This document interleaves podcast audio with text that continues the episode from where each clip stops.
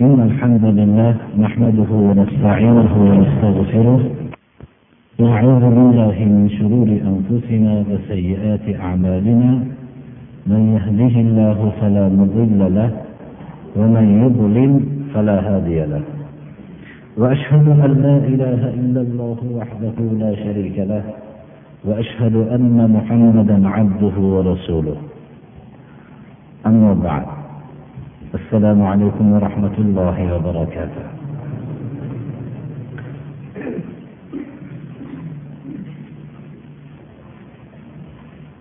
alloh subhanahu va taolo yer yuzida birinchi bashariyatni otasini odam alayhissalomdan yaratdi va odam alayhissalomdan juftini yaratdi. Va ikkovlaridan ko'p kishilar va ayollarni taratdi. Ulamolar o'rtasida birinchi payg'ambar qilib jo'natilingan zot odam alayhissalomdan tortib payg'ambarlik boshlangan degan ulamolarning fikri ham bor lekin aksar ulamolar nubuvvat nuh alayhissalomdan boshlangan nuh alayhissalomgacha kishilar o'rtasida ixtilof bo'lmagan ya'ni hech qanday bir shirk sodir bo'lmagan كان الناس أمة واحدة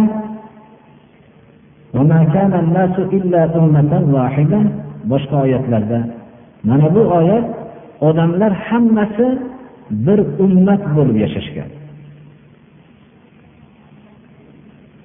Ular hech qanday o'rtalarida ixtilof bo'lmagan shuning uchun nubuvat to nuh alayhissalomning davrigacha sodir bo'lmagan deyishgan. nuh alayhissalom birinchi nabiy hisoblanadilar deb ulamolar shunday deyishganlar إنا أرسلنا إنا أوحينا إليك كما أوحينا إلى نوح والنبيين من بعده biz sizga vahiy qildik deydi alloh taolo muhammad alayhissalomga xuddi nuh alayhissalomga vahiy qilgandek va u kishidan keyingi payg'ambarlarga deb aytgan oyatni hujjat qilishadilarki birinchi nabiy nuh alayhissalom va u kishidan keyin nubuvvat boshlangan va risolat ham boshlangan. Nuh alayhissalom davrida shirk boshlandi. Biz avvalgi darslarimizda bu haqda mukammal bir ma'lumotlar bergan bo'ldik. nuh alayhissalom davridagi solih kishilarni suratlarini olish natijasida keyinchalik avvalgi ajdodlar ibodat qilishmagan bo'lsa ham keyingi avlodlar bu suratlarga ehtiromni bilishib keyinchalik ibodat qilib olishgan ولا تذرن ودا ولا سواعا ولا يغوث ويعوق ونسرا mana bu beshta nom qur'oni karimda zikr qilingan bu butlar nuh alayhissalomning davridagi solih kishilar bo'lgan. Unaqa fosid kishilar bo'lmagan. Solih kishilar bo'lganda keyingi avlod ularni haddan tashqari hurmat qilamiz deyishlik natijasida ibodat qilib yuborganlar. Alloh subhanahu va taolo risolatni nubuvvatni davom ettirdi. Oxirgi risolat sohibi muhammad alayhissalom bo'ldilar. Risolat go'yoki bashariyat o'zining go'daklik bosqichidan kamolot bosqichiga yetishligi bilan komil dinning egasi muhammad alayhissalomni alloh taolo jo'natdi va risolatga keyin hojat qolmadi. Din komil bo'ldi va shu bilan din komil bo'lishligi bilan risolat muhrlandi. Rasululloh sollallohu alayhi vasallam hayotlarida olloh buyurgan buyruqni qilib yashadilar qaytargan narsadan qaytdilar va ba'zi narsalarga o'zlari buyurdilar. Bu narsalarni bizga qilishlik sunnat bo'lib qoldi. Ba'zi narsalarni buyurmasdan qildilar. Bu narsa ham bizga sunnat bo'lib qoldi. Ba'zi narsalarni huzurlarda qilingan vaqtda rad qilmadilar. Bu ham bizga sunnati taqririy bo'lib qoldi. Hadis deb tushunganimizda rasululloh sollallohu alayhi vasallamning so'zlari sunnat bo'lsa payg'ambarimiz sollallohu alayhi vasallamning so'zlarini va amaliy qilgan amallarini va u kishining huzurida qilingan rad qilinmagan amalni o'z ichiga oladi. Yer yuzida iymonni davo qilgan inson borki ular har biri ollohga muhabbat qilishadi. Ollohni yaxshi ko'raman deb davo qilishadi. Lekin ollohni muhabbati bu so'z bilangina ifodalanadigan narsa bo'lmasligi kerak. Bu hazli narsa bo'lmasligi kerak. Ollohni muhabbati jiddiy narsa ekanligini olloh bayon qildi. Yer yuzidagi har bir insonlar xoh mo'minlar bo'lsin xoh kofirlar bo'lsin hammalari o'zining ma'budiga muhabbat qiladi ومن الناس من يتخذ من دون الله أندادا يحبونهم كحب الله odamlar ollohdan tashqari nid ya'ni ollohga sharik qilib olgan kishilar ham bu butlarini yaxshi ko'rishadi ollohni yaxshi ko'rishgandek ular ya'ni mushriklar ollohni yaxshi ko'rishadi va shunga qo'shib boshqa sig'inayotgan ma'budotlarni ham yaxshi ko'rishadi xuddi ollohni yaxshi ko'rgandek ammo iymon keltirgan kishilar ya'ni yuqoridagilar mo'minlarni iymon keltirgan kishilar ollohni muhabbatida qattiqdir. Demak iymonni davo qilgan kishilar ollohni yaxshi ko'raman deydi. Hatto mushriklar ham ollohni yaxshi ko'rishadi va mo'minlardan farqi shuki ular ollohni yaxshi ko'rishlikka qo'shib boshqa butlarni ham yaxshi ko'rishadi.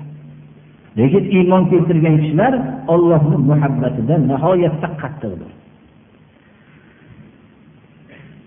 Ollohni muhabbatini demak yer yuzidagi har bir iymonni davo qilgan kishi ollohni muhabbatini davo qiladi. Lekin aytib o'tganimizdek alloh subhanahu va taolo o'zining muhabbatini hazziy narsa qilmadi. Jiddiy narsa qildi. Va har bir kishiga bir o'lchov mezonni berib qo'ydiki ey ollohni muhabbatini davo qilganlar mana bu tarozida o'zinglarni muhabbatinglarni o'lchab ko'ringlar. Yo mana bu tabir joiz bo'lsa mana bu oynaga qarab ko'ringlar. Bunda sizlarning ollohga bo'lgan muhabbatinglarni bor yo yo'q ekanligini isbotlab beradigan mana bu oyna. Bu oynani olinglar bunda ko'ringlarki ollohni muhabbatini davo qilgan davoinglarda sodiqmisizlar yoinki kozibmisizlar mana bu oyna yoinki mana bu mezon o'lchov qur'oni karimdagi sura oli imrondagi قل إن كنتم تحبون الله فاتبعوني يحببكم الله ويغفر لكم ذنوبكم والله غفور رحيم ayting ey muhammad alayhissalom ollohni muhabbatini davo qilganlarga agar ollohni yaxshi ko'rsanglar menga ergashinglar deng ana kim ollohni yaxshi ko'raman desa olloh buyuryaptiki menga ergashinglar deyapti Alloh subhanahu va taolo rasuliga ergashgan kishilarga e'lon qilyaptiki o'zining muhabbatini. Olloh sizlarni yaxshi ko'radi. Inson tarafidan muhabbat bo'lsa foniy zaif inson tarafidan ollohning muhabbati sodir bo'lsa olloh tarafidan muhabbat e'lon qilinyapti. Ya'ni rasuliga ergashishlik bilan bu muhabbatini isbot qilsa alloh subhanahu va taolo o'zining muhabbatini e'lon qilibgina qo'ymasdan gunohlarning mag'firatini ham va'da qilyapti. Va olloh o'zining gunohlarni kechiruvchi va rahmatini yuboruvchi zot ekanligini e'lon qilyapti. Mana bu narsa birodarlar juda bir katta bir mukofot. Agar buni ochiq qalb bilan ko'radigan bo'lsak agar bir kishi ollohni muhabbatini ming marta men ollohni yaxshi ko'raman desayu olloh tarafidan bir marta javob kelmasa u muhabbatda ma'no yo'q birodarlar. Ammo mo'min kishi tarafidan bir marta ollohni yaxshi ko'raman degan davo bo'lsayu olloh tarafidan javob kelsa muhabbat javobi kelsa bu juda katta bu baxt saodatdir olloh tarafidan muhabbat kelmaydi magar rasuliga ergashganlik bilan muhabbatini isbotlasa ana olloh tarafidan muhabbat keladi. Va olloh gunohlarni mag'firat qiladi va o'zining rahmatini jo'natadi. Mana bu bizga oynadir birodarlar. Yoinki o'lchovdir. Mana bu o'lchovga muhabbatning davo qilgan kishi muhabbatini tarozini bir pallasiga qo'ysin va o'zining ergashyaptimi yo'qmi shuni ko'rsatsin bo'lmasam muhabbat davosida to'g'ri emas ekanligini o'zi tan olsin mana bu narsa bizga ko'rsatadiki rasululloh sollallohu alayhi vasallamga ergashishlik ollohni muhabbatini davo qilishlikka bo'lgan isbotligini bir tarafdan ko'rsatsa ikkinchi tarafdan rasululloh sollallohu alayhi vasallamning martabalarini qanchalik balandligini ham ko'rsatadi. Ya'ni rasuliga ergashgan kishilarga olloh o'zining muhabbatini e'lon qilgan gunohlarning mag'firatini e'lon qilgan. Bir insonni olloh bir baland martabaga ko'tarsa mana shu martabaga ko'taradi. Bundan ortiq martaba bo'lishi mumkin emas birodarlar. Ikkinchi tarafdan inson ollohni muhabbatini davo qilishlikka hijolat bo'lib turmoqligi ham kerakki toniy zaif inson ollohni yaxshi ko'raman deyishlikdan bir tomondan tortinib turishlik bo'lsa chunki azaliy abadiy zotni muhabbatini olloh izn bermasa bu narsani inson ollohni yaxshi ko'raman deyishlikka ham jur'at qilolmaydigan bir holatdir. Shuning uchun ham ba'zi mufassirlar oliy robbingizga tasbih ayting degan so'zni buyruq yoyinki daqiqroq ta'bir bilan aytsak olloh tarafidan zaif insonga olloh nomi bilan tasbih aytishlikka ruxsatdir bu deyishgan ya'ni inson bir ollohga tasbih aytishlikka tortinib men og'zimga ulug' ollohni nomini olsam mumkinmikin deb tortinib turgan vaqtda oliy robbingizni poklang ruxsat sizga deganday deb nima qilishganlar shuning uchun ham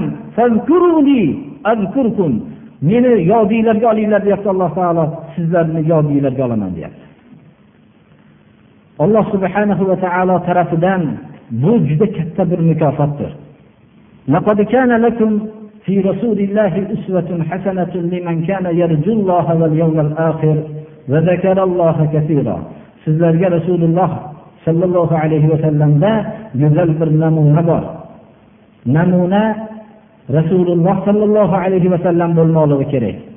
Ollohni qiyomat kunini umid qilib ollohni ko'p yodiga olgan kishiga rasululloh namuna bo'lmoqligi kerak.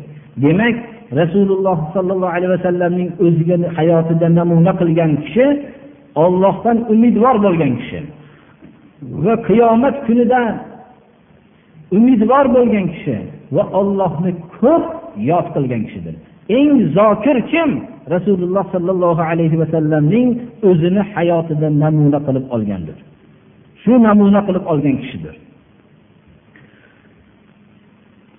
Biz shu yerda rasululloh sollallohu alayhi vasallamga ergashishlikdagi asosiy bir sifatlarni tavhid ulamolari bir to'rttaga taqsim qilishganlarki boshqa hamma amal shu to'rtta sifatning taxtiga dohil bo'ladi. Birinchi sadoqat. Sadoqat payg'ambarlar xususan rasululloh sollallohu alayhi vasallam hayotlarida kizb bo'lmagan. Hattoki dushmanlar ham payg'ambarimiz sollallohu alayhi vasallamni yolg'on gapirganligini nubuvatdan ilgarigi hayotlarida ham birorta yolg'on gapirgan deb hujjatlay olmagan. Payg'ambarlar risolat asosi payg'ambarlarning hammalari sadoqatdir. Risolat asosi to'g'rilikka qurilgandir. Biror bir payg'ambar tuhmat bilan tuhmatlangan emas hammalarini hatto ashaddiy dushmanlar ham sodiq kishilar ekanligini tan olishgan. Rasululloh sollallohu alayhi vasallamga payrovlik qilgan odam birinchi ergashmoqligi mana bu sifatda ergashmoqligi kerak. Ikkinchi omonatdorlik omonat bizlar faqat maqsadimiz moli davlat bo'lganligi uchun ko'proq omonat deganda moli davlatga omonat omonatli bo'lishlikni tushuniladi. Amonat aslida olloh tarafidan buyurilgan vazifalarga omonatdor bo'lishlik ularning vaqtida o'tashlik olloh buyruqlarini qilishlik qaytargan narsalardan qaytishlik bu omonatdorlik sifatining eng komil suratidir. Omonat koinotu yer tog'larga ko'ldalang qilinib ular bu omonatni o'zlariga qabul qilinishlikda qilishlikdan qo'rqishgan insongina ko'targan. إنا عرضنا الأمانة على السماوات والأرض والجبال فأبين أن يحملنها وأشفقن منها وحملها الإنسان إنه كان ظلوما جهولا olloh buyruqlarini qilish qaytargan narsalardan qaytishlik bu eng katta omonatdor kishining sifatidir. Rasul sollallohu alayhi vasallamning hayotlari ollohni buyruqlarini qilish qaytargan narsalardan qaytishlik bilan to'ladi uchinchi fatonat ya'ni nihoyat darajada ziyrak bo'lishlik hujjati kuchli bo'lishlik. Payg'ambarlar tarixida biror bir raqiblari oldida mulzam bo'lganlari yo'q. Bashariyat tarixida o'tgan hamma payg'ambarlarning hujjati quvvatli bo'lgan ular o'zlarining raqiblari bilan doim munozara qilishgan vaqtlarida ular g'olib bo'lishgan. Chunki ular bilan birga bo'lgan yo'l haq edi. Shuning uchun payg'ambarlarga ergashgan kishi nihoyatda o'zining raqibini oldida ziyrak bo'lmoqligi kerak. Bo'lmasam raqib sizni aldab qo'yadi. Masalan siz bilan oddiy misol qilib olsak kurashayotgan vaqtida mag'lub bo'lib qolsa sizga halimlik islomda yaxshiligidan ogohlantiradi. Halimlik nihoyatda yaxshi afv kechirishlik yaxshi ekanligini sizga sekin asta tushuntira oladi. Siz agar ziyrak bo'lmasangiz u quvvatli bo'lganda sizni yengganda hech qanday unga halimlik ham kerak emas edi. Ziyrak bo'lmoqlik kerak bo'ladi. Sahobiy ikromlar xulafoi rosidinlar hammalari ziyrak bo'lishganlar. Umar ibn hattob roziyallohu anhu aytganlar min an min an li men birovni aldashlikdan afzalman birovga aldanishlikdan aqlliroqman deganlar. Insonning ziyrakligi fatonat aql idroki yuqori bo'lmasa o'ziga berilingan ilmni to'g'ri boshqara olmaydi. Buni biz aks bilan bilsak yaxshiroq tushunamiz mabodo. Hikmat ham payg'ambarlarga berilgan. Hikmat ular ummatlarga hikmatni o'rgatishganlar. Hikmat bir ma'nosi shuki ilmni o'rnida ishlata bilishlik. Buning aksi makrdir. Masalan men sizni uyingizga borganda saxovat haqida gapirsam saxovat yaxshi sifat ekanligini bilish ilmdir. Va qanoat yaxshi sifat ekanligini bilishlik ilmdir. Ammo sizni uyingizda saxovat haqida gapirishligim o'zimni uyimga kelgan vaqtingizda qanoat haqida gapirishligim bu makrdir chunki sizni uyingizdagi saxovat haqidagi gapirayotgan ilmni bu tamaga ishlatyapman.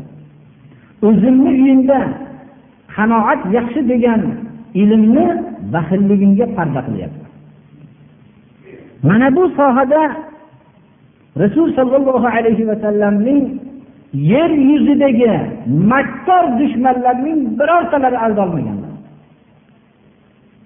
hatto rasululloh sollallohu alayhi vasallam o'zlaridan keyingi qiyomatgacha mo'minlarga dedilar. Mo'min kishi bir teshikdan ikki marta chaqilmaydi. Ya'ni mo'min odam ikki marta aldanmaydi dedilar. Mo'min kishini yo'l sodda odam demadilar. Mo'min kishini ikki marta hech ham aldanmaydigan kishi dedilar.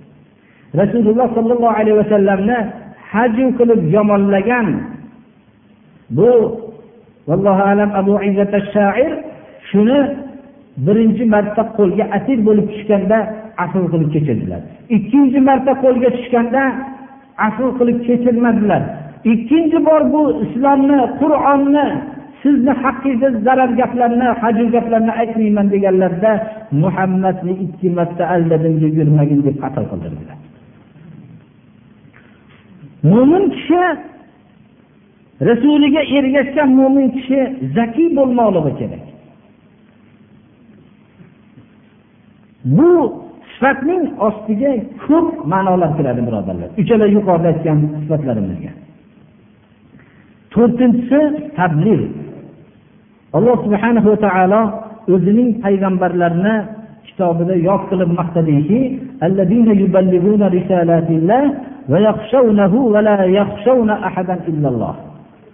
ollohni risolatlarini yetkazadigan kishilar. Ollohdan qo'rqishadi. Ollohdan boshqadan hech qo'rqishmaydilar.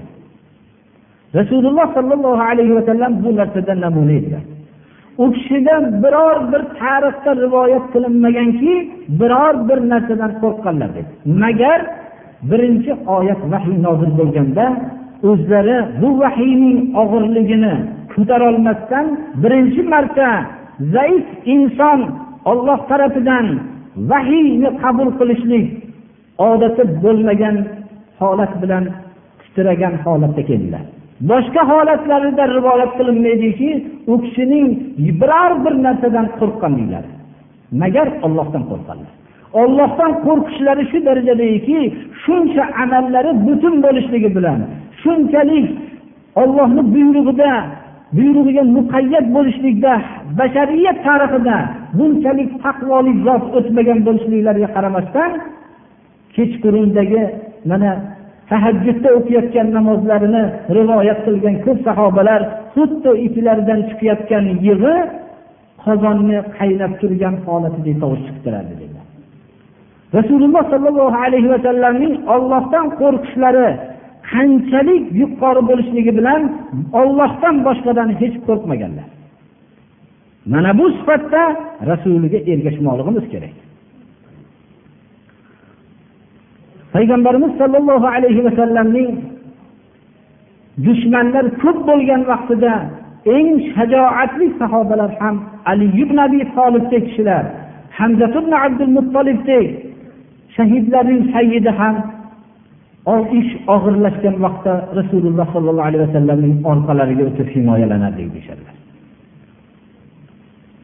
Payg'ambarimiz sollallohu alayhi vasallam madinada bir qattiq tovush paydo bo'lgan vaqtda bir kishining otlarini so'rab sahobalardan bittalarini madinaning tashqarisiga xabar olib kelganlar sahobalardan bittalari men ham bu tovushdan chiqib borsam payg'ambarimiz sollallohu alayhi vasallam qo'rqmanglar hamma xotirjamlik deb xabar olib kelayotgan holatda topdim dedilar. Rasululloh sollallohu alayhi vasallam bilan ashoblar jangdan qaytishib g'azotdan qaytishib turganlarida hammalari charchashganligi bilan soyalarda tarqalib dam olishayotgan vaqtlarda u kishini qo'riqlab turadigan kishilar ham uxlab qolgan vaqtlarda o'zlari ham shamshirlarini daraxtga qo'yib ilib shu yerda dam olib qolganlar bo'lsalar uyg'onganlarda mushriklarning bittasi payg'ambarimiz sollallohu alayhi vasallamni poylab shamshirlarni olib mendan seni kim himoya qiladi endi dedi. Tursalar qilichni yalang'ochlab turibdi. Shunda ollohu dedilar olloh himoya qiladi. Hech kim yo'q. U ajablanib olloh himoya qiladi. Deb turib qo'li qaltiragan holatda qilich tushib ketdi. Shunda payg'ambarimiz sollallohu alayhi vasallam xotirjamlik bilan qilichni olib endi seni kim himoya qiladi mendan? dedilar shuni meni kechirgin deb yolborgandan keyin qaytib ketishlikka buyurdilar rasululloh sollallohu alayhi vasallamning tarixlarida biror bir o'rinda qo'rqqanlik yo'q. Inson ollohdan qo'rqsa boshqa hech narsadan qo'rqish yo'qoladi. Mana bu narsa tabliğda bilinadi. Biz ham qo'rqmaymiz. O'zimizni shaxsiy manfaatimiz bo'lgan soatda qo'rqmaymiz. Ollohni risolatini yetkazishlikda eng qo'rqoq kishilar bizlardir rasulini ollohni muhabbatini davo qilganlar mana bu sifatda rasululloh sollallohu alayhi vasallamga o'xshadi shunda olloh yaxshi ko'radi ularni olloh gunohlarni mag'firat qiladi. Islomni da'vatini yetkazgandan keyin inson bu da'vatini ijobat qilgan kishilarni tarbiyalamoqligi kerak. Tarbiya nima bilan bo'ladi? Tarbiya kitobi sunnatni tarbiyasi bilan. Ollohni kitobini va sunnat sunnat deganda hali aytib o'tganimizdek uch narsani bilamiz. So'zlari amallari va hamda u kishining huzurlarida qilinganda qaytarmagan amallar. Mana bu sunnatni ta'lim bermoqligimiz kerak. Bu sunnat hikmat ma'nolarining bittasidir. هو الذي بعث في الأميين رسولا منهم يتلو عليهم آياته ويزكيهم ويعلمهم الكتاب والحكمة kitob qur'oni karim bo'lsa hikmat sunnat mana bu narsani ta'limi bilan biz kishilarni ta'lim bermoqligimiz kerak u vaqtda inson sodiq amin va ziyrak va muballil ollohni da'vatini yetkazuvchi kishiga aylanadi. Amonat sifatini o'tashlik jumlasidandir farzlarni bajarishlik vojiblarni bajarishlik sunnatlarni bajarishlik. Ya'ni sunnatlar sunanul huda va sunanul ada. Hidoyat sunnatlari odatiy sunnatlar. Hidoyat sunnatlarini agar biz tark qilsak biz gunohkor bo'lamiz birodarlar. Odat sunnatlari rasululloh sollallohu alayhi vasallam buyurmaganlar. Uni qilsak albatta ajr bor. Va o'zimizning ollohni muhabbati bizga e'lon qilinadi. Odat sunnatlarni qilishlik bu narsa buyurilmagan bo'lsa ham qilmoqligimiz kerak. Rasululloh sollallohu alayhi vasallamga harom narsalardan voz kechishlikda va makruhi tahrimiy makruhi tanzihiy tahrimiy makruhlar haromga yaqin bo'lgan makruhlar. Tanzihiy makruhlar halolga yaqin bo'lgan makruhlar. Mana bu narsalardan voz kechmoqligimiz kerak. Ko'p vaqtlarda ba'zi ya'ni ko'pchilik musulmonlar farzlarni bajarishlikka beparvo bo'lamizda sunnatlarni bajarishlikka mahkam bo'lamiz. Bu narsa ya'ni sunnatga e'tibor berib farzlarni beparvo bo'lmadi. Bunga o'xshagan fikrda o'zimizni fikrimizni to'g'rilashlikka muhtojmiz. Bu to'g'rilashlik degan so'z farzni qilib sunnatni tark qilish degani emas. Farzni sunnat bilan qilishlikni va farzni sunnatdan muqaddam qilmoqlik degani. Ba'zi bir kishilar buni isloh qilishlikda bu sunnatlarni siz qilayotganingiz bilan bu farzga beparvo ekansiz deb bu farzni o'nglang deb o'rgatishlik bu farzni qilib sunnatdan voz kechishlik degani emas birodarlar. Sunnat bilan birga qo'shib qilolashlik degani. Biz ta'lim berganimizda sunnatni farz bilan birga qilishligini o'rgatmoqligimiz kerak. Ba'zi kishilar farz sunnatlarni ba'zilarini ijro qilishsa to'g'rilikni o'ziga lozim ko'rmaydi ba'zi kishilar to'g'ri gapirishsa omonatni o'ziga lozim ko'rmaydi ba'zi bir kishilar o'zining shaxsiy ahvolida yaxshi yashasa ollohni buyruqlarini boshqalarga yetkazishlikga e'tibor bermaydi.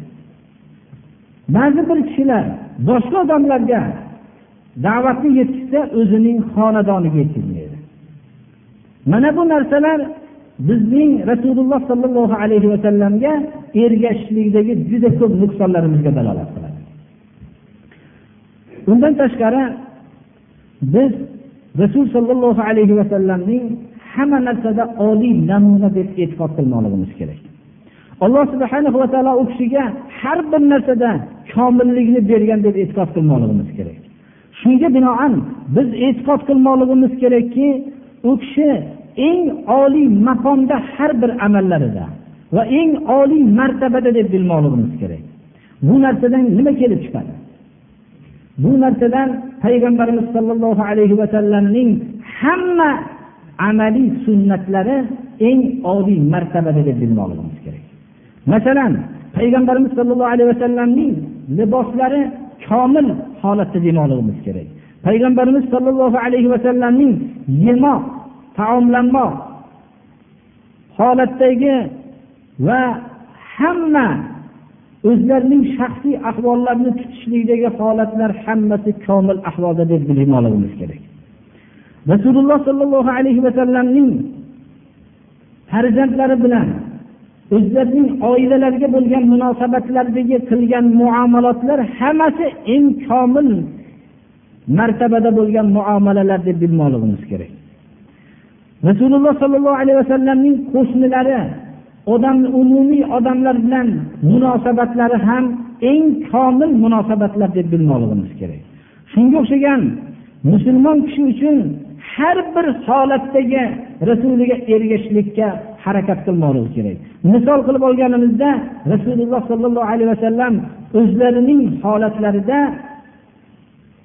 mo'ylovni qisqartirib soqolni qo'yganlar degan holatini hech qanday zamonu makonni o'zgarishligi bilan bu narsani biror soatda buni amal qilmasak bo'laveradi degan holatni qilmasligimiz kerak. Bu narsa bu sunanul hudodan rasululloh sollallohu alayhi vasallamning buyruqlaridir bu. Hali aytib o'tganimizdek sunnat ikki qism bo'ladi. Bittasi sunanul huda buyurganlar. Bittasi bo'lsa uni odatiy sunnatlari o'zlari amal qilganlar. Mana bu sohada biz payg'ambarimiz sollallohu alayhi vasallamning qilgan amallari eng komil amallar deb e'tiqod qilmoqligimiz kerak. Agar kimda kim kamolotni payg'ambarimiz sollallohu alayhi vasallam qilgan amallardan boshqada desa ochiqdan ochiq zalolatga ketadi. Shuning uchun sunnatlarga amal qilishlik uchun men ba'zi bir misolni keltirmoqchiman. Biz hayotda ergashishligimiz ollohning muhabbatining mantiqiy samarasi bo'lmoqligi kerak. Bu zo'rlik bilan bo'lgan amal bo'lmasligi kerak. Qalbimizda avval ollohning muhabbati o'rnashligi bilan buni biz ittiboi rasul sollallohu alayhi vasallamga ergashishlik bilan isbotlamoqligimiz kerak. Biz agar rasululloh sollallohu alayhi vasallamga hayotimizda ergashmasak baribir boshqalarga ergashishlikka majburmiz. Masalan biror bir kishi uylanmoqchi. Uylanganda bizning qur'on va sunnada hamma qanday uylanishlik holatlari sunnatga muvofiq qaysinisi sunnatga zid ekanligi bayon qilingan. Va amaliy suratda bu valima bo'lgan. Bir kishi vafot qildi. Vafot degan vaqtda u mayyitni dafn qilish qaysi amallar sunnat qaysi amallar sunnatga zid bu narsa bayon qilingan. Farzand tug'ildi. Farzand tug'ilishligi bilan nima qilishlik sunnat qaysi bir narsalarni qilishlik sunnatga zid bu ham bayon qilingan. Va hokazo oddiy misol qilib aytaylik. Tahoratga kirayotgan vaqtimizda qaysi narsa sunnat qaysi narsa sunnatga zid bu ham bayon qilingan.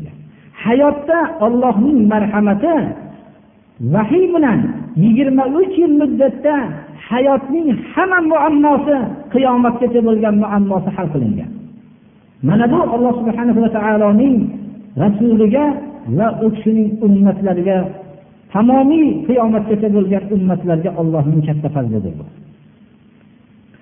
Ba'zi bir xususiy holatlardagi bayon qilinmagan narsalarni umumiy holat bilan ifodalangan agar biz shu bayon qilingan narsalarga ergashmas ekanmiz qandaydir boshqa bir narsalarga ergashib qolamiz.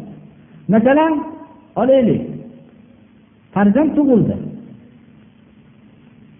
Shu farzand tug'ilgan vaqtida shu farzandga qaysi bir ishlarni qilsak sunnat degan narsani savol qilsak bizga bayon qilingan. Nom qo'yish uning o'ng qulog'iga azon aytish chap qulog'iga iqoma aytish bu narsalar hammasi bizning sunnat amallardanmi birodarlar? Buni qilmasangiz qandaydir boshqalarning bir yo'lini qilasiz ba'zi bir kishilar aytadiki hozirgi vaqtda bu mayda masalalarni bu o'rtaga chiqarishlikni hojati yo'q.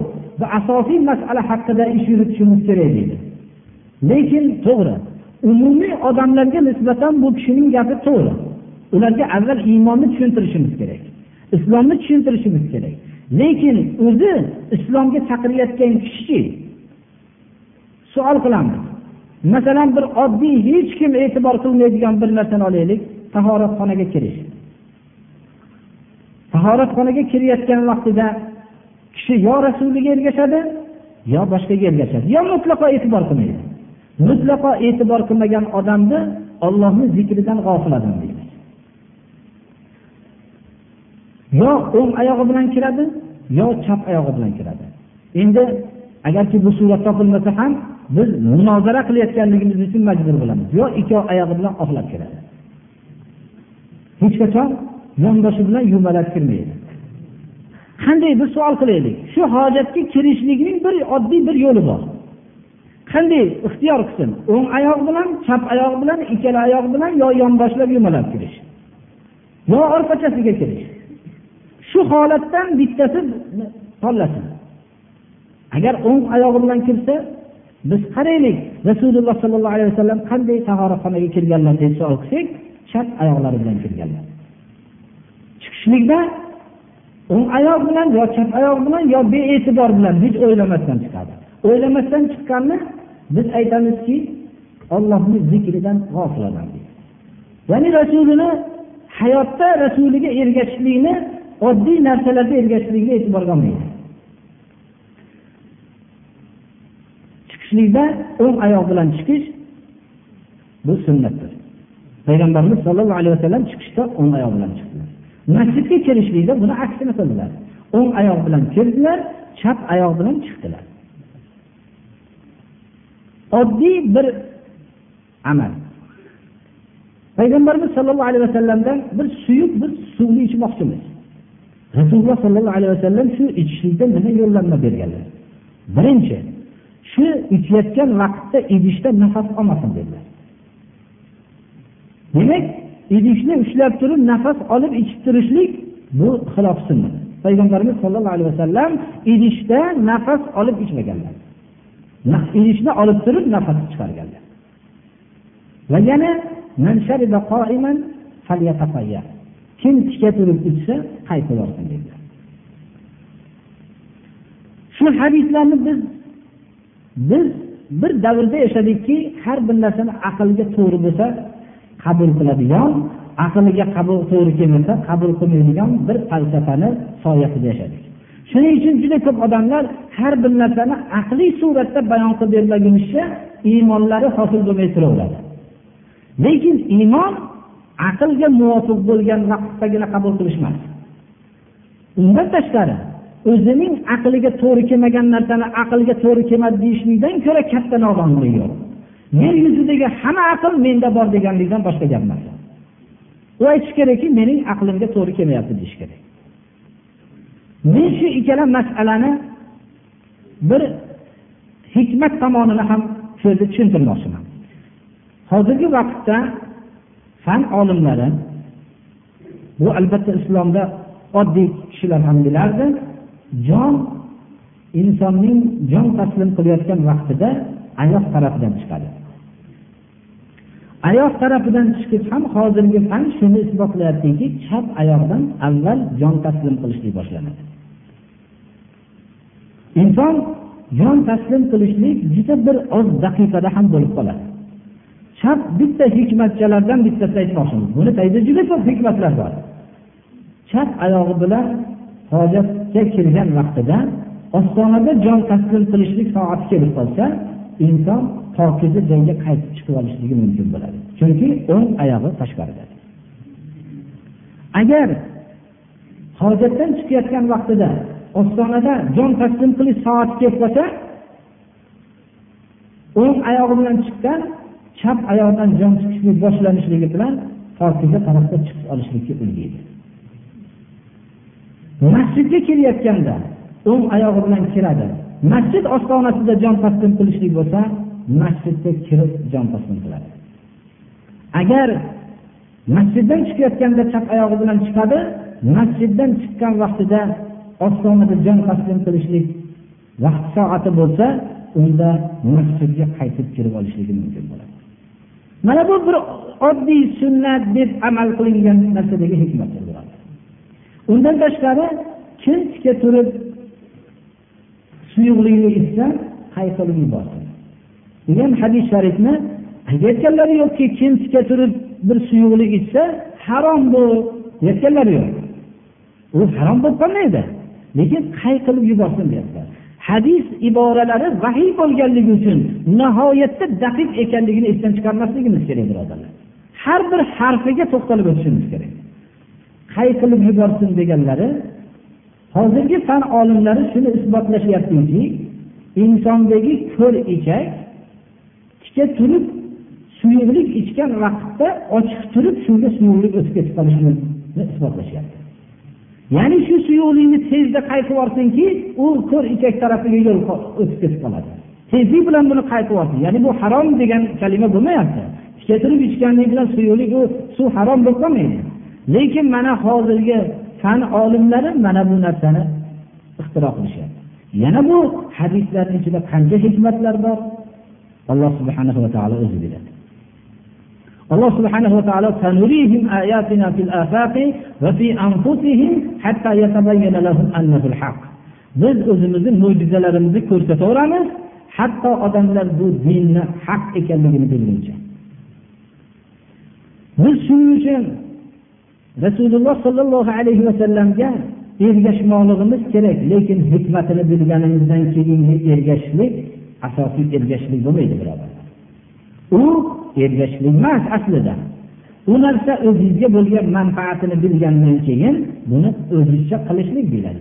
Ittibo uning ma'no hikmatini bilmasdan turib ergashishlik. Chunki biz kimga ergashyapmiz? Rasulullohga ollohning elchisiga ergashyapmiz. U kishi havodan gapirmaydigan faqat gapirgan so'zlari vahiy bo'lgan zotga ergashyapmiz mana bu narsani bilib qo'ymoqligimiz kerak. Payg'ambarimiz sollallohu alayhi vasallam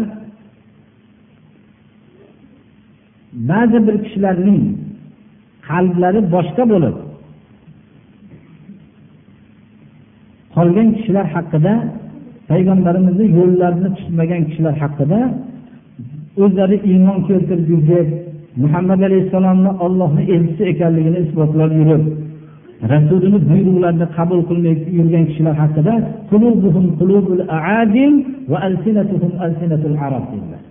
qalblari u begonalarni qalbiyu va ularning tillari arab ya'ni tillari musulmonlarni tili deb qo'ygan ekanlar.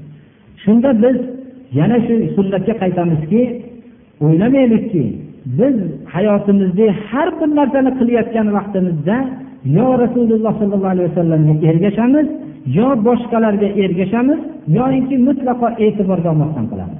E'tiborga olmaslik mazmundir. Boshqalarga ergashishlik u yomonroqdir. Rasuliga ergashishlik haqiqiy zikrdir ayting biror bir kishi o'zini bir libos kiyishligida yo yurishligida yo biror bir harakatida o'zi avval bir kishini muhabbati paydo bo'ladi va shu muhabbati paydo bo'lib unga ergashadi. Muhabbat ergashishlik samarasini beradi.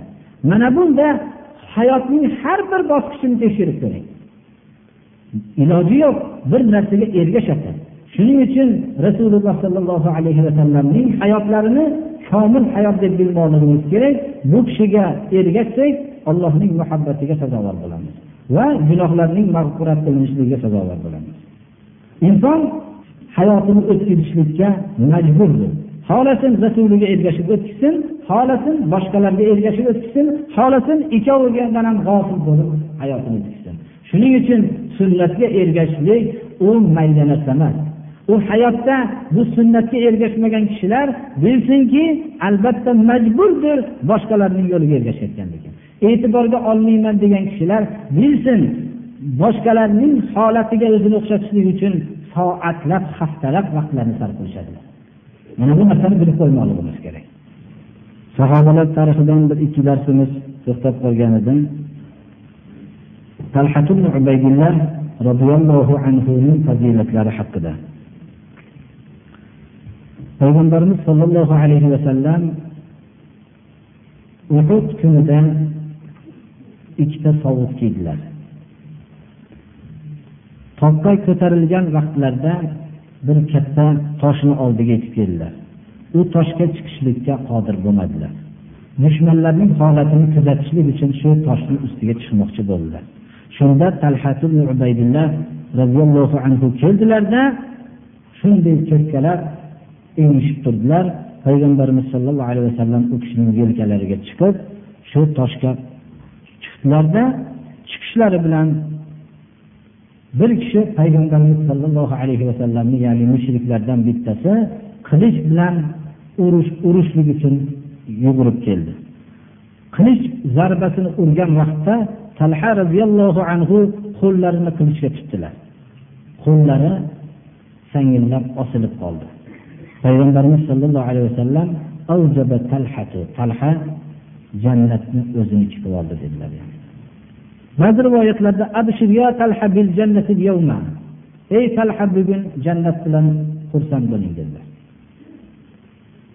Payg'ambarimiz sollallohu alayhi vasallamdan shu voqeani ba'zi bir kishilar boshqacha ham rivoyat qilishadilar talha roziyallohu anhu qo'llari shunday osilib qolganda dushmanning qilishining zarbasi bilan shunda his degan ekanlar ya'ni his kalimasi uz deganga o'xshagan bir kalima aytgan ekanlar فقال له النبي صلى الله عليه وسلم لو قلت بسم الله لرأيت يبنى لك بها بيت في الجنة وأنت حي في الدنيا agar sen bismillah deganingda hayotingda tirik holatingda har kuni jannatda qurilayotgan qasringni ko'rib yurarding degan ekan. Isa ibn talha talhaullohni o'g'illari rivoyat qiladilarki dadalaridan nabiy sollallohu alayhi vasallam bir kuni talha roziyallohu anhuni oldidan o'tgan ekanlar. Ya'ni payg'ambarimiz sollallohu alayhi vasallamni oldidan ubaydulloh o'tib qoldilar. Shunda hada bu ulushini olganlardan deb qo'ygan ekan. Sad ibn abi vaqqos roziyallohu anhu fazilatlari. Sad ibn abi vaqqos o'zining jannatligini hayotida eshitib ketgan o'n kishining bittalaridandir. Va ota onam fido bo'lsin degan so'zni rasululloh sollallohu alayhi vasallamdan eshitgan yagona kishidir.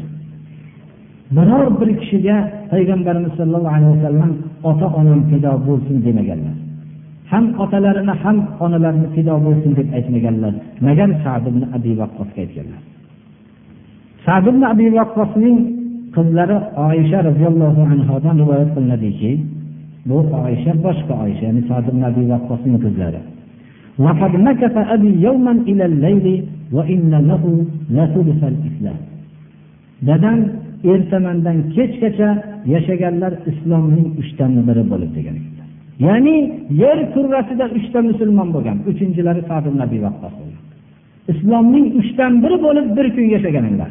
Ertamandan kechgacha shu vaqtda hech kim islomni qabul qilmagan uchinchi kishi nabiy vaqqos bo'lganlar islomni qabul qilganlardan keyin ertalab qabul qilgan bo'lsalar kechgacha hech kim avvalgi muhammad alayhissalom hadizi kubro payg'ambarimiz sollallohu alayhi vasallamdan tashqari olinsa ali ibn abi tolib sad nabiy vaqqos bo'lganlar uch kishi islomda ya'ni islomning uchdan biri bo'lib dadam yashaganlar payg'ambarimiz sollallohu alayhi vasallam uhud kunida ota onam fido bo'lsin degan so'zni shu aytganlar. Islomda kamon otgan birinchi kamon otgan zot sad abi vaqqosdir ota onam fido bo'lsin oting ey sad degan ekanlar. Payg'ambarimiz sollallohu alayhi vasallam oysha onamiz aytadilarki bir kecha bezor bo'ldilar. Oysha onamiz shu hujrada edilar payg'ambarimiz sollallohu alayhi vasallam uxlamasdan bezovtalanib chiqdilar. Shunda aytdimki deydilar oysha roziyallohu anhu onamiz mashanuka ya rasululloh? Nimaga siz bunaqa bezovtasiz? Dedim.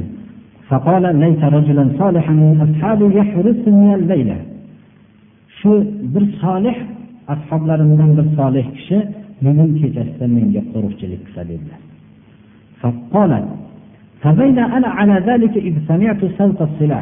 Shunday turgan edim dedilar oysha roziyallohu anhu bir siloh ya'ni silohni tovushi eshitilib qoldi. payg'ambarimiz sollallohu alayhi vasallam bu kim dedilar ya'ni sad ibn abi vaqqos sad ibn molikman dedilar nimaga keldingiz dedilar qo'riqchilik qilgani keldim sizga dedi قالت فسمعت غطيت رسول الله صلى الله عليه وسلم في نومه shu soatdan rasululloh sollallohu alayhi vasallamning uxlaganlik tovushlarini eshitdim dedilar bu birodarlar bu bir ajib bir holatki bir solih ashoblarimdan bir kishi menga qo'riqchilik qilsa deganlarda shu soatda bu kishini kelib turishligi alloh subhanahu va taolo sad ibn abi vaqqosga o'ziga xos bir fazilat berganligini belgisidir. Payg'ambarimiz sollallohu alayhi vasallam sad ibn abi vaqqosni haqqiga duo qilgan ekanlar qachon duo qilsa duosini ijobat qilgin deb duo qilgan ekanlar sad ibn abi vaqqos aytadilarki لقد شهدت بدرا وما في وجهي غير شعرة واحدة أمسها بيدي ثم أكثر الله لي بعد اللحى men badrda hozir bo'ldim dedilar meni yuzimda bitta mo'y bor edi xolos dedilar shu bilan shu yo'lni ushlab qo'yardim. Ya'ni bu yoshliklardan kinoya. Keyin alloh taolo menga bu soqolni ko'paytirdi degan ekanlar ya'ni badrda hozir ishtirok etganimda meni bitta yuzimda bitta mo'y bor edi payg'ambarimiz sollallohu alayhi vasallamning oldilarida o'tiruvdim deydilar jobir roziyallohu anhu sad ibn abi vaqqosga qoldilar. Shunda faqola hada bu meni tog'am bo'ladi deb rasululloh sollallohu alayhi vasallam sad abi vaqqosga ishora qildi. Ba'zi rivoyatlarda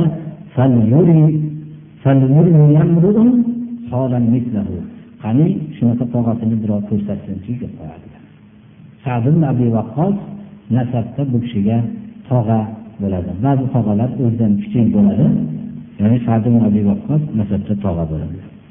Payg'ambarimiz sollallohu alayhi vasallam sahobalarga aytardilarki sadni duolaridan qo'rqinglar dedilar. Nadr kunida sad ibn abi vaqqos o'zi piyoda bo'lsalar ham odamlar ichida xuddi otliq odamga o'xshagan jang qiladilar deb rivoyat qiladilar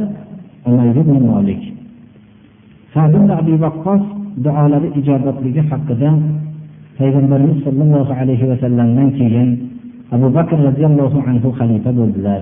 U kishidan keyin umar ibn hattob xalifa bo'ldilar. Shu xalifa bo'lganlarida bir joyda sad ibn abi vaqqos voliy edilar. Voliy bo'lib turganlarida voliy odatda namozga o't beradigan kishi bo'lgan birodarlar. Voliy degani odamlarning musulmonlarni oldiga o'tib namozga o'tkaziadigan kishini shu viloyatning voliysi deyiladi. Shuning uchun shu yerda turganlarda bir kishi sal bizga yaxshi namoz o'qib bermaydi degan turma bo'ldi umar ibn hattobga bu xabar yetib kelib sad nabiy vaqqosni chaqirtirdilar. Shunaqa degan xabar deganlarda men rasululloh sollallohu alayhi vasallamning namozlarini o'qib beryapman dedilar shunda keyin yana shu gap bo'lganda borib shu tuhmat bo'lgan vaqtda umar ibn hattob voliy bilan xalqlar o'rtasida kelishmovchilik bo'lishini xohlamasdilarda boshqa yo'lga jo'ntab yuboradilar sabr abi vaqqosni shu yerda odam jo'natdilarda shuni aniqlashlik uchun jo'natganlarda sabr abi vaqqos shu yerda turib kim tuhmat qilganligini turgizdilar men seni haqqingga duo qilaman. Agar shu bandang yo olloh riyo bilan o'zini ko'rsatishlik uchun xalqlar oldida o'rnidan turib meni sha'nimga tuhmat qilgan bo'lsa uni uzoq umr bergin va nopok ayollar fitnasiga qo'ygin deydi shu odam soqollari qoshlari ko'zini yumib nihoyatda bir xor holatda butun nopok ayollarning fitnasiga giriftor bo'lib o'tib ketgan ekan. Imom buxoriy bu hadisni rivoyat qiladilar sabr abi vaqqosning duolaridan qo'rqinglar dedilar rasululloh sollallohu alayhi vasallam. Sahoba ikromlarni mana avvalgi darslarimizda aytayotgandek alloh subhanahu va taoloning fazilati allohning marhamati janob rasululloh sollallohu alayhi vasallam atroflarida kambag'al sahobalar ham bor edi. Badavlat sahobalar ham bor edi. Kasalmand sahobalar ham bor edi. Pahlavon sahobalar ham bor edi. Va payg'ambarimiz sollallohu alayhi vasallamning oldida yosh bolalar ham sahobalar bor edi. Qariyalar bu ham bor edi hammalarini ayollar ham islomni o'zida mujassam ko'rsatgan edi. Biror bir holat yo'q ediki qarshilik bo'lmagan. Farzand komil musulmon bo'lsa ota mushrik. Otaning mushrikligi farzandi komil bo'lishligiga zarar yetkazolmagandi. Rasululloh sollallohu alayhi vasallamning atroflariga yig'ilgan sahobalar o'ziga xos bir har bir taxassus xususiyatli sahobalardi mana bu xususiyatlarni janob rasululloh sollallohu alayhi vasallam mukammal bilardilar va o'zlarining ishlarida shularga maslahat solib o'zlarining e, ollohni buyrug'i maslahat solishlik insondagi berilgan xususiyatlarni qo'zg'atish va undan foydalanishlikdir. Asli maslahatning siri shudir. Mana bu bilan ko'p foydalanadilar birodarlar masjidga kelganda tahiyatul masjid o'qilinadi. Kiriblar dardlariga shifo bersin alloh subhanahu va taolo e, o'zining maqsadini alloh taolo shar'iy maqsadlarni so'raganlarga alloh taolo maqsadlarini bersin darslarimizni alloh taolo davomiy qilsin va shu eshitgan gaplarimizga amal qilishlikka alloh tavfiq bersin. Yana takror aytamiz darslarimizni avvallarini eshitib keyingi darslarimizni eshitgan odam foydalanadi. Buni aytishligim mumkinki bu iymoni ixlos boshqa islom haqida ko'p gapirilishi kerak deb biz avvalgi darslarimizda shu haqda gapirib o'tganmiz. Alloh subhanahu va taolo bir qalbimizni ochsin alloh taolo tavfiqi abadiy bersin. اهدنا الصراط المستقيم صراط الذين أنعمت عليهم غير المغضوب عليهم ولا الضالين